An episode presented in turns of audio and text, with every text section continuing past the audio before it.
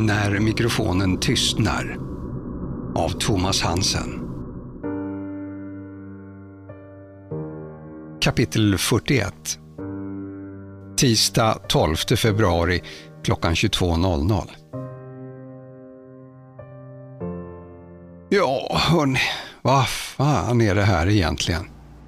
undrade Roger Olsson när han slog sig ner bakom sitt skrivbord. På andra sidan satt Sandra Collin, Gustav Fransson och Annika Forselius. Den sistnämnda var chef för länskriminalen. De hade försett sig med några vaniljkex som kvällsmat. Kaffemaskinen fick jobba sent, precis som poliserna och en städare som just nu var i färd med att sopa upp spåren av kexsmulor mellan köksfrån och Rogers rum. En jävla soppa kan man väl säga, var Sandras analys. Låt oss komma överens om hur vi ska driva det här, föreslog Roger. Sandra, du som har varit med på det här från alla vinklar, kan du sammanfatta? Sandra ville mer än gärna stå för sammanfattningen. Äntligen så kändes jobbet meningsfullt. Hur pusslet hängde ihop var visserligen inte särskilt lätt att säga just nu, men det var länge sedan hon kände sån entusiasm inför att vända ut och in på ett fall. Ja, vi har alltså först en utredning av ett mord som visar sig ha varit en trafikolycka. Men innan det står klart så har mordet blivit så uppblåst i media att det är som en sprängfylld luftballong. Sandra formade en cirkelfigur i luften med händerna. Kollegorna verkade varken imponerade eller underhållna av pantomimen. Det är förmodligen utifrån det som de andra två morden utförts, eller åtminstone ett mord. Det andra kan ha varit ett spektakulärt självmord. Just nu så vågar jag inte lita på någonting. De övriga rummet höll hummande med. Sandra kände sig uppmuntrad att fortsätta. Med tanke på att mordet på Robin Eriksson verkar ha utförts med en spade som mordvapen skulle jag säga att hämnd är det mest sannolika motivet. Minst två personer i anslutning till den här soppan skulle kunna tänkas ha väldigt starka hämndmotiv mot Robin Eriksson. Om de trodde att han dödat Alicia Nordsten med en spade, vilket i princip hela Sverige har trott. Och då menar jag förstås Karl och Silvana Nordsten. Spadar är effektiva mordvapen, påpekade Roger. Under första världskriget så slängde många soldater bort bajonetterna och bytte mot spadar. Det var enklare att ta död på motståndarna då. Sandra såg genast framför sig hur Karl Nordsten vandrade omkring med en grön soldatmundering, hjälm och en stor blodig spade.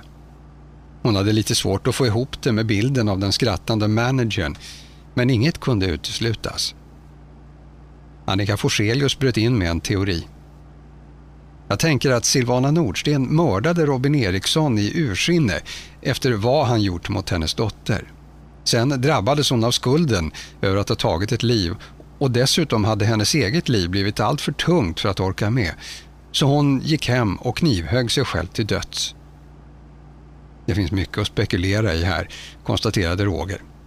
Hade Annika inte varit en chef på samma nivå som han själv och hade han inte själv just dragit en lös parallell till första världskriget hade han hårdare satt stopp för de grundlösa grubblerierna. Kan vi bara ta en stund och diskutera arbetsordningen, föreslog han. Ingen invände. Fallet hamnar förstås hos er på länskrim, men vi på mordet är redan inblandade. Inte minst genom Sandra som hittar lik som om hon var ett tryffelsvin. Ingen skrattade åt Rogers skämtförsök. Märkligt, han som kände sig ovanligt träffsäker. Han skakade snabbt av sig det, tog tillbaka taktpinnen och fortsatte sin genomgång. Fransson har också jobbat på en del information som verkar bli matnyttig. Annika, kan ni driva utredningen och plocka in flera personer ifrån oss? Jag tror att tidningarna kommer att kasta sig över det här som hyenor och det vore bra för oss alla om vi kunde visa snabba resultat. Du tror inte att Riksmord vill hoppa in i det här just därför? undrade Annika. Ja, de ska inte vara så snabbfotade. Och det är därför den här avdelningen finns, för att enkelt och snabbt kunna skjuta till avgörande resurser i en mordutredning, påpekade Roger. Vi på länskrim är fullt kompetenta att genomföra en mordutredning på egen hand, kontrade Annika. Ja, det är klart att ni är.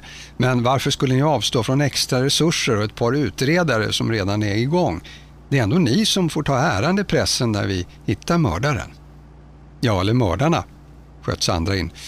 Eller så kan vi inte sätta dit någon mördare alls. För den enda som har mördat någon är Silvana Nordsten. Och hon är ju redan död.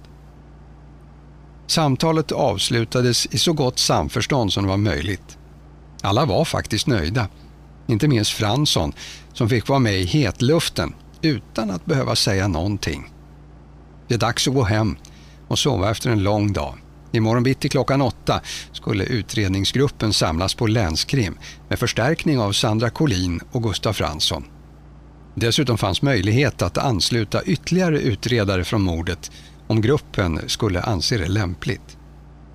Inför onsdagens morgonmöte så kunde man också vänta rapporter från teknikerna ute i Hässelby. De båda teamen på Hässelby Strandväg respektive Astrakangatan skulle jobba hela natten om det krävdes. Man skulle kunna tycka att det var dags för alla att gå hem och sova. Men två av Stockholms mest engagerade mordutredare skulle ses promenera varv på varv runt kvarteret som inhyste polisens högkvarter. Hälften av tiden pratade de. Hälften av tiden funderade de. De ville ha en gemensam plan för att styra utredningen dit de ville när de nästa morgon skulle börja jobba tillsammans med länskrim. Inte förrän klockorna på Kungsholms kyrka började slå tolv slag bestämde de sig för att det var dags att promenera hemåt. Endast en katt följde deras tysta promenad mot Fridhemsplan där de sedermera skulle skiljas åt.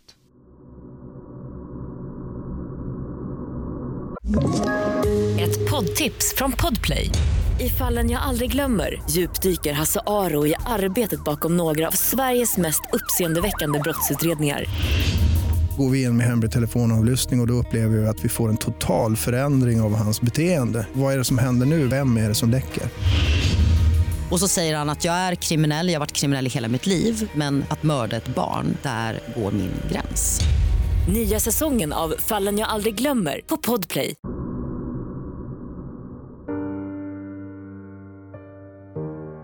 Kapitel 42 Onsdag 13 februari klockan 05.30 Sandra hade som vanligt vaknat avsevärt tidigare än nödvändigt och ägnade därför en stund i sängen åt att läsa igenom nyhetsrapporteringen om de båda morden i Hässelby. Alla artiklar hon hittade utgick ifrån att två mord hade begåtts, men utöver det så gick skildringarna åt olika håll.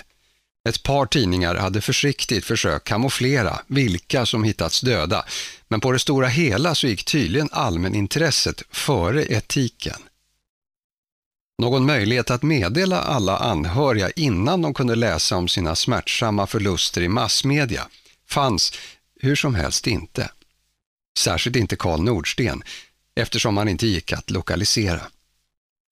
Några redaktörer hade valt familjetragedivinkeln för sina artiklar, medan andra fortsatte att använda signaturen Festivalmordet till dessa nya förvecklingar. En tidning hade till och med lanserat begreppet festivalmassmördaren. Det var när Sandra läste det som hon fräste ”jävla idioter” och gick upp för att ta en kall dusch. Fem i åtta klev hon in hos länskrim. Deras lokaler såg precis likadana ut som alla andra i huset. Långa enfärgade korridorer med små rum bakom dörrar som oftast stod öppna. Och eftersom hon inte var bekant med länskrims rutiner och var osäker på exakt var mötet skulle hållas så tyckte hon att det var säkrast att infoga en marginal på fem minuter för att kunna hantera eventuella överraskningar. Nu var det inte särskilt svårt att hitta rätt. De körde dragningen i ett hörn av ett kontorslandskap, öppet för alla att delta. Till irritation för Sandras bestämda uppfattning om frukostvanor hade någon med dålig koll på almanackan köpt två askar chokladhjärtan och ställt fram dem på ett bord för att alla skulle ta ett hjärta eller två. Till frukost! Dessutom dagen före alla hjärtans dag. Det var väl ändå märkligt. Till frukost äter man fil, flingor eller möjligen smörgåsar. Vad är nästa steg? Choklad som pålägg? Mötet drog i alla fall igång på utsatt tid. Alltid något. Chefen Annika Forselius höll själv i taktpinnen. Det här var tydligen ett viktigt fall. Först på dagordningen stod en kort presentation av de inbjudna gästerna från mordet. Fransson var redan välkänd för de flesta på länskrim medan Sandra bara var bekant med tre av de sju tillfälliga kollegorna. Hon hade gått från ordningspolisen direkt till mordet. Lite som att hoppa över högstadiet och fortsätta från mellanstadiet direkt till gymnasiet. Eller vad det nu kallas nu för tiden. Säkert något nymodigt. Okej, sa Annika för att få allas uppmärksamhet. Vi börjar med de preliminära rapporterna från de tekniska teamen. Det är ju en rapport från den Nordstenska villan och en från den Erikssonska lägenheten. De har dammsugit efter spår hela natten. Arbetet med källarplanet på villan skulle fortsätta under dagen. Inget lämnades åt slumpen. Särskilt inte i fall som detta där tidningarna bevakar varje liten bit av information som släpps ut. Har Robin Erikssons anhöriga fått besked? undrade Sandra. Mamman är död, svarade Annika. Pappan var borta på jobb. Han är elektriker och höll på med ett bygge i Södertälje. Kollegorna där hittade honom i en husvagn. Han var tydligen inte så lätt att prata med. Full som en alika och med avklätt sällskap som avvek ifrån platsen. Sandra tyckte att det märktes att Annika själv var förälder. När hon berättade om pappa Erikssons förehavanden lät hon personligen förnärmad. Karl hade inte bemödat sig med att åka hem till Hässelby på över en vecka eller ens pratat i telefon med sitt enda barn. Varför kunde han inte svara på? Dels på grund av sin kraftiga berusning, dels var han förbannad för att han betalat den lettiska kvinnan i förväg och inte skulle få full utdelning för sin investering. Undersökningarna hos Silvana Nordsten var inte tillräckligt för att med säkerhet slå fast om hon blivit mördad eller begått självmord, fortsatte Annika. Båda alternativen är möjliga, men vi ska göra ytterligare analyser av blodet runt kroppen. Det är mycket möjligt att man kan slå fast vad som har hänt utifrån mönstren. Men de har säkert en gissning? frågade Sandra uppfordrande. Annika nickade. Det som talar för självmord är att huset var låst och ingen åverkan fanns på några dörrar eller fönster. Förutom den som Sandra gjorde när hon tog sig in förstås. Silvana Nordstens nycklar hängde på en krok i ett nyckelskåp bredvid dörren. Det kan såklart finnas fler extra nycklar som en gärningsman kan ha använt sig av för att låsa efter sig. Det finns ju ingen att fråga. Någon kan ha gjort rutavdrag, påpekade Fransson. De har väl en städfirma antar jag. Har vi namnet på den så vi kan fråga om nycklar? Bra, sa Sandra och Annika i kör. Gruppen fortsatte att diskutera vilka möjliga gärningsmän som borde utredas först. Sandras åsikt stod förstås genast klar. Det mest sannolika scenariot var att, enligt hennes mening, den försvunne maken, Karl Nordsten, hade begått mordet. Då förelåg förstås inget problem för honom att använda sina egna nycklar för att låsa efter sig när han lämnade brottsplatsen. Teknikerna hade undersökt husets larmsystem och konstaterat att det inte fanns någon logg över öppningar och stängningar av dörrarna. Varken det eller någon annan information kunde alltså med säkerhet avslöja när mordet hade begåtts, om det nu hade begåtts. Rättsläkarens bedömning var att döden inträffat mellan klockan 06.00 och 18.00 på måndagen. Mer exakt än så kunde man inte säga innan obduktionen var färdig. Annika konstaterade att det enligt rapporten fanns gott om fingeravtryck runt omkring i huset. De flesta tillhörde någon av två personer, varav den ena är Silvana Nordsten och den andra förmodligen Karl Nordsten. Ett mindre antal tillhörde Alicia Nordsten och några är osäkra. Inga av de här fingeravtrycken ger träff i våra register. Fransson hade fastnat för en detalj i teknikernas redogörelse och läste till. På ett fönster vid altanen har någon lagt en hel hand mot rutan och lämnat avtryck från samtliga fingrar. Möjligen också en nästipp. Fransson kunde inte låta bli att släppa ifrån sig ett litet skratt. Visst händer det att brottslingar lämnar fler spår efter sig än de tänkt, men näsor spåras sällan. Annika bläddrade vidare i delen om konstaterade avtryck på brottsplatsen. Det mest intressanta stället att hitta avtryck på vore förstås på kökskniven som förmodligen skar upp magen på Silvana Nordsten. Där finns en mängd fingeravtryck från både Silvana och Karl. Fast det är väl inte så konstigt att de båda använt en kniv som fanns i deras kök. Går det inte att se vilka fingeravtryck som blivit satta efter att kniven redan var full av blod? undrade Sandra. Det var en enda blodig sörja. Men det verkar som om att det inte tillkom några ytterligare handgrepp om skaftet efter att de dödande huggen var utdelade.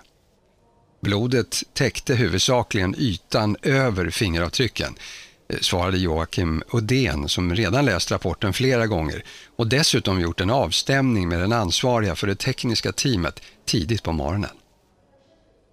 Om hon själv släppte in sin mördare, började Sandra och stannade upp. Ja, sa Annika efter tio tysta sekunder. Kolla särskilt fingeravtryck på ringklockan, avslutade Sandra. Bra tänkt. Jag ska kolla upp det, svarade Joakim. Okej, då har vi inte mer att gå igenom i den här, konstaterade Annika och la papperna åt sidan. Obduktionen är prioriterad och ska göras nu på förmiddagen. Joakim hade redan börjat bläddra i teknikrapporten om mordet på Robin Eriksson. Jaha, hörni, här är det i alla fall fastställt utom allt rimligt tvivel att det är fråga om mord. Sandra tyckte att hans konstaterande lät domedagsmässigt, men i sak så höll hon med. Det vore fullständigt omöjligt att åsamka sig själv så stora skador och sen placera mordvapnet på andra sidan rummet, sett varifrån den avlidne återfunnits. Dörren till lägenheten var olåst, fortsatte Joakim. Och det finns DNA-spår från en dåligt undanstädad spya som fanns precis utanför dörren. Sandra med tydliga minnesbilder inifrån lägenheten kunde lätt tänka sig att till och med den mest hårdhudade mördare skulle må så pass illa att en kräkning på vägen ut vore på sin plats. Hade någon mindre hårdhudad polis än hon själv varit först med att traska in i lägenheten och se den illa tilltygade kroppen så var den också en kandidat till att ha lämnat gallan och matresterna i trapphuset. Men ännu fanns inget som pekade mot att någon annan varit på platsen efter själva mordet. Proverna var på väg till NFC för närmare analys och svar väntades inom kort. Obducenten har inte satt kniven i Robin Eriksson än, bekräftade Joakim. Men enligt rättsläkarens preliminära utlåtande så hade han varit död i ungefär 50 timmar när du hittade honom. Han tittade upp på Sandra som snörpte med munnen trots att hon försökte verka oberörd. Så med andra ord, han dog någon gång under första hälften av lördagsdygnet. Alltså, Robin dog före Silvana, konstaterade Joakim. Om vi gör en tidsaxel, sa Sandra och började rita en linje på whiteboardtavlan på väggen. Robin dog alltså på lördagen och på söndagen satt jag i Silvanas fina fåtölj och pratade med henne, bland annat om Robin. Hon mådde inte särskilt bra och det kan man ju förstå. Men jag har väldigt svårt att tänka mig att hon skulle vara så kall att hon först kunde begå ett våldsamt mord och sen gå hem och prata med mig om sina minnen av sin dotter. Nej, kanske inte, svarade Annika. Men det är ändå intressant att matcha spyan utanför Robins dörr mot Silvana Nordstens DNA. De måste också undersöka var Silvana Nordsten befunnit sig under den aktuella tiden. Hon hade blivit körd till sin syster av en polispatrull på fredagskvällen. Hade hon stannat där över helgen så hade hon alibi, men hade hon åkt hem igen sent på kvällen eller på lördagsmorgonen så var läget ett annat. Dessutom bodde hon i en villa bara en bit därifrån och hade säkert tillgång till trädgårdsredskap som en spade. Hon hade eventuellt både motiv och möjlighet. De flesta av alla hennes omständigheter stämde förstås också in på hennes man. I Sandras tankar så framstod Karl och Silvana Nordsten mer och mer som Bonnie och Clyde. Kunde det vara tänkbart att inte bara en av dem var skyldig, utan båda? Sandra upptäckte att hennes fantasi var på väg att rusa åstad och bad sig själv att lugna ner sig. Men ändå, visst var tanken kittlande. Bonnie och Clyde hade visserligen inget skönsjungande barn och de blev dödade av polisen med 130 skott. Tänk ändå vilken saga det kunde bli, den om Karl och Sylvana. Det vore något att berätta för barnbarnen, tänkte Sandra. Barnbarn vars själva existens förmodligen var ännu mer osannolik än den berättelse de i sådana fall skulle få höra. Joakim Uddén ställde sig upp för att markera att han ville ha ordet. Vi har ju inget obduktionsresultat än, men jag har gått igenom rättsläkarens rapport. Robin Eriksson dog till följd av allvarligt och repeterat våld mot huvudet. Skallen var krossad, helt enkelt. Näsan intryckt. Käkbenet hängde löst. Förmodligen så hade han stora skador på hjärnan. Kroppen hade förlorat mycket blod och det tyder på att hjärtat inte slutat slå direkt i början av den grova misshandeln. Så han led, konstaterade Annika. Ja, svarade Joakim. Förmodligen så blev han väl medvetslös ganska snabbt. Men det kan man nog inte slå fast. Det står i alla fall i rapporten att det var anmärkningsvärt mycket blod runt hans kropp och det mesta fanns i och bredvid vardagsrumsmattan. Sammanfattningsvis var den tekniska undersökningen genomförd utan minsta anmärkning, något Sandra var särskilt tacksam över. Med tanke på den synnerligen inkompetenta brottsplatsutredaren i Växjö vars tillkortakommanden lett till många omvägar i utredningen. Att döma av märken i mattan från vardagsrumsbordets ben hade bordet stått på samma plats under lång tid och troligen välts undan i samband med mordet. Ett första slag kunde ha utdelats i soffan där det fanns en mindre mängd blod plus en del jord och annan smuts. Slutsatsen var att Robin Eriksson troligen attackerats i soffan, kanske låg han och sov. Han hade sedan förflyttats av egen kraft eller genom mördarens försorg ner på golvet. Där hade de övriga slagen delats ut. Det var åtminstone tre slag, men troligen betydligt fler. Sandra tänkte att mördaren måste ha fått utlopp för stora mängder aggressiv energi. Hur kom mördaren in? undrade hon. Det var mest tänkt som en retorisk fråga men Joakim tolkade den som riktad till honom och började gå igenom de delarna av den tekniska rapporten. Ingen åverkan på vare sig ytterdörren eller balkongdörren, konstaterade han. Mördaren kan ha tagit sig in med nycklar eller blivit insläppt eller så kunde han traska in för egen maskin för dörren stod öppen. När jag kom dit var ju dörren fortfarande olåst, sa Sandra. Jo, men även om man har nycklar så tänker man kanske inte på att låsa om man är en mördare på flykt.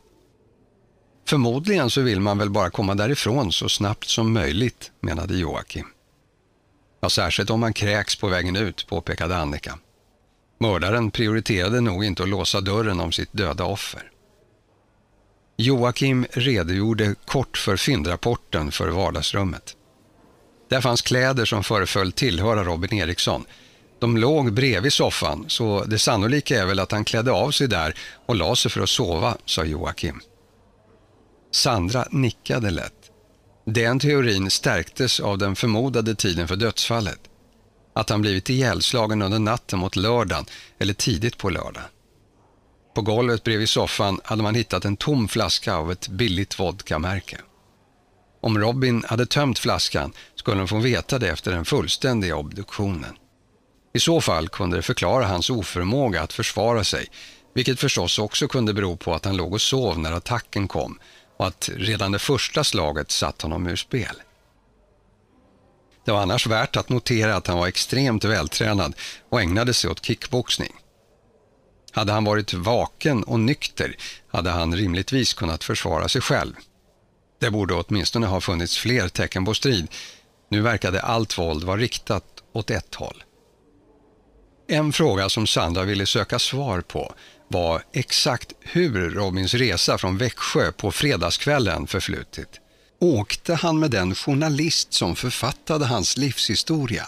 Fanns fler med i bilen? Var släppte han, eller de, av Robin? Och vad var klockan då? Och i vilken form var Robin?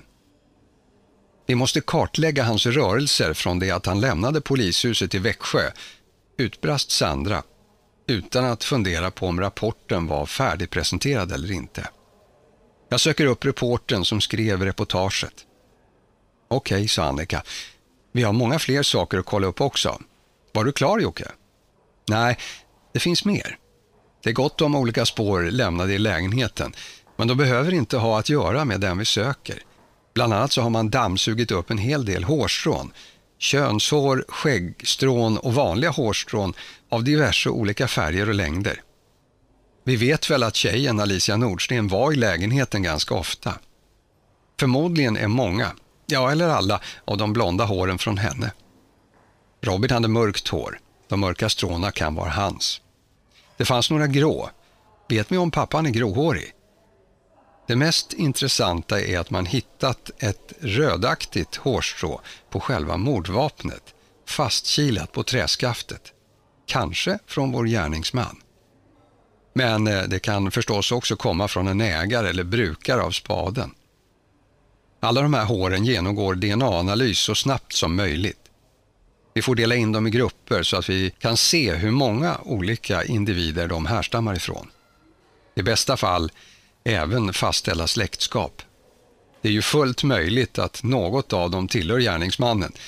Det har inte varit direkt lätt att städa undan spår efter sig i den där skithögen till lägenhet. Sandra tyckte att det var märkligt att Alicia stod ut med att vistas där. Hon måste verkligen ha varit kär i killen. Eller så var hon inte riktigt så posh som hon framstod. Kontrasten var i alla fall enorm om man tänkte på den boendemiljö hon annars vistades i. Sandra hade nu varit både i hennes hem och i hennes pojkväns bostad och skillnaden var som natt och dag. Lägenheten såg ut som en knarkarkvart i jämförelse med villan. Det fanns inte en smutsfläck om man så sökte med förstoringsglas. Inte förrän någon fick flera knivhugg i sin mage i köket i alla fall. Spaden då, var kom den ifrån? Det var Fransson som öppnade munnen och fick ur sig några ord. Den var från Bauhaus, meddelade Joakim. Men var den hörde hemma är förstås svårt att säga. Det fanns rester av grus och jord över hela spaden och det känns väl inte riktigt som något man skulle hitta på en spade i en lägenhet om man skulle hitta en spade där överhuvudtaget. Den hade knappast varit där om den inte skulle användas för att döda, sa Sandra med övertygelse i rösten. Det var antagligen viktigt för mördaren att använda just en spade som hämnd för mordet på Alicia som vi ju alla trodde hade blivit mördad med en spade. Så jag i alla fall är övertygad om att mördaren tog med sig spaden till lägenheten. Men lämnade kvar den efteråt, konstaterade Fransson. Varför gjorde han det? Ingen svarade. Okej, sa Annika för att avsluta diskussionen. Då är det dags att sätta igång. Tack Jocke, mycket bra. Jag föreslår att vi ger oss ut och jobbar på olika håll. Just nu är det bäst att vi kör de här två morden som en gemensam utredning, även om vi inte vet hur de hänger ihop eller om det ens är två mord. Men tills vi vet annorlunda så utreder vi båda fallen som mord så att vi inte tappar fart. Bra, tänkte Sandra. Det här ska bli kul att ta tag i. Sandra, fortsatte Annika, du var inne på journalisten som körde Robin till Stockholm. Kan du ta det spåret? Absolut. Gustav? Fransson såg sig omkring. Han hette egentligen Gustav, men, men det kanske fanns någon mer Gustav i rummet. Han kände sig inte riktigt hemma med det namnet. Ja, sa han ändå för säkerhets skull. Du letar bland våra mördade personer och de misstänkta. Kolla upp deras telefonkommunikationer och korttransaktioner. Kan vi koppla någon av dem till ett fordon och se om det har passerat några betalstationer? Ja, jag vet att det är långsökt, men låt oss inte missa något. Jag kollar allt. Jag har förresten redan begärt in samtalslistor och kommunikationslag för Karl Nordsten. Jag får trycka på där så att vi får fram något. Det måste gå undan nu. Bra. Jocke, kan du organisera dörrknackning i områdena runt de båda adresserna? Har någon eh, hört något? Har någon sett någon komma och gå? Sofia och Chris, kan ni kartlägga offrens vänner och annat umgänge och se vilka som varit i kontakt med dem i nära anslutning till deras död? Det blir förstås enklare när vi har samtalslistor, men någon kan veta mer ändå. Kolla deras Facebook, Instagram, Snapchat och vad annat de kan ha. Ta reda direkt på när Silvana Nordsten lämnade systern. Och glöm inte att notera vilka som är rödhåriga, la Sandra till. Mötet avslutades. Jakten var igång. Alla chokladhjärtan var slut. Sandra undrade om den som köpt dem skulle köpa nya till imorgon bitti, den riktiga valentindagen.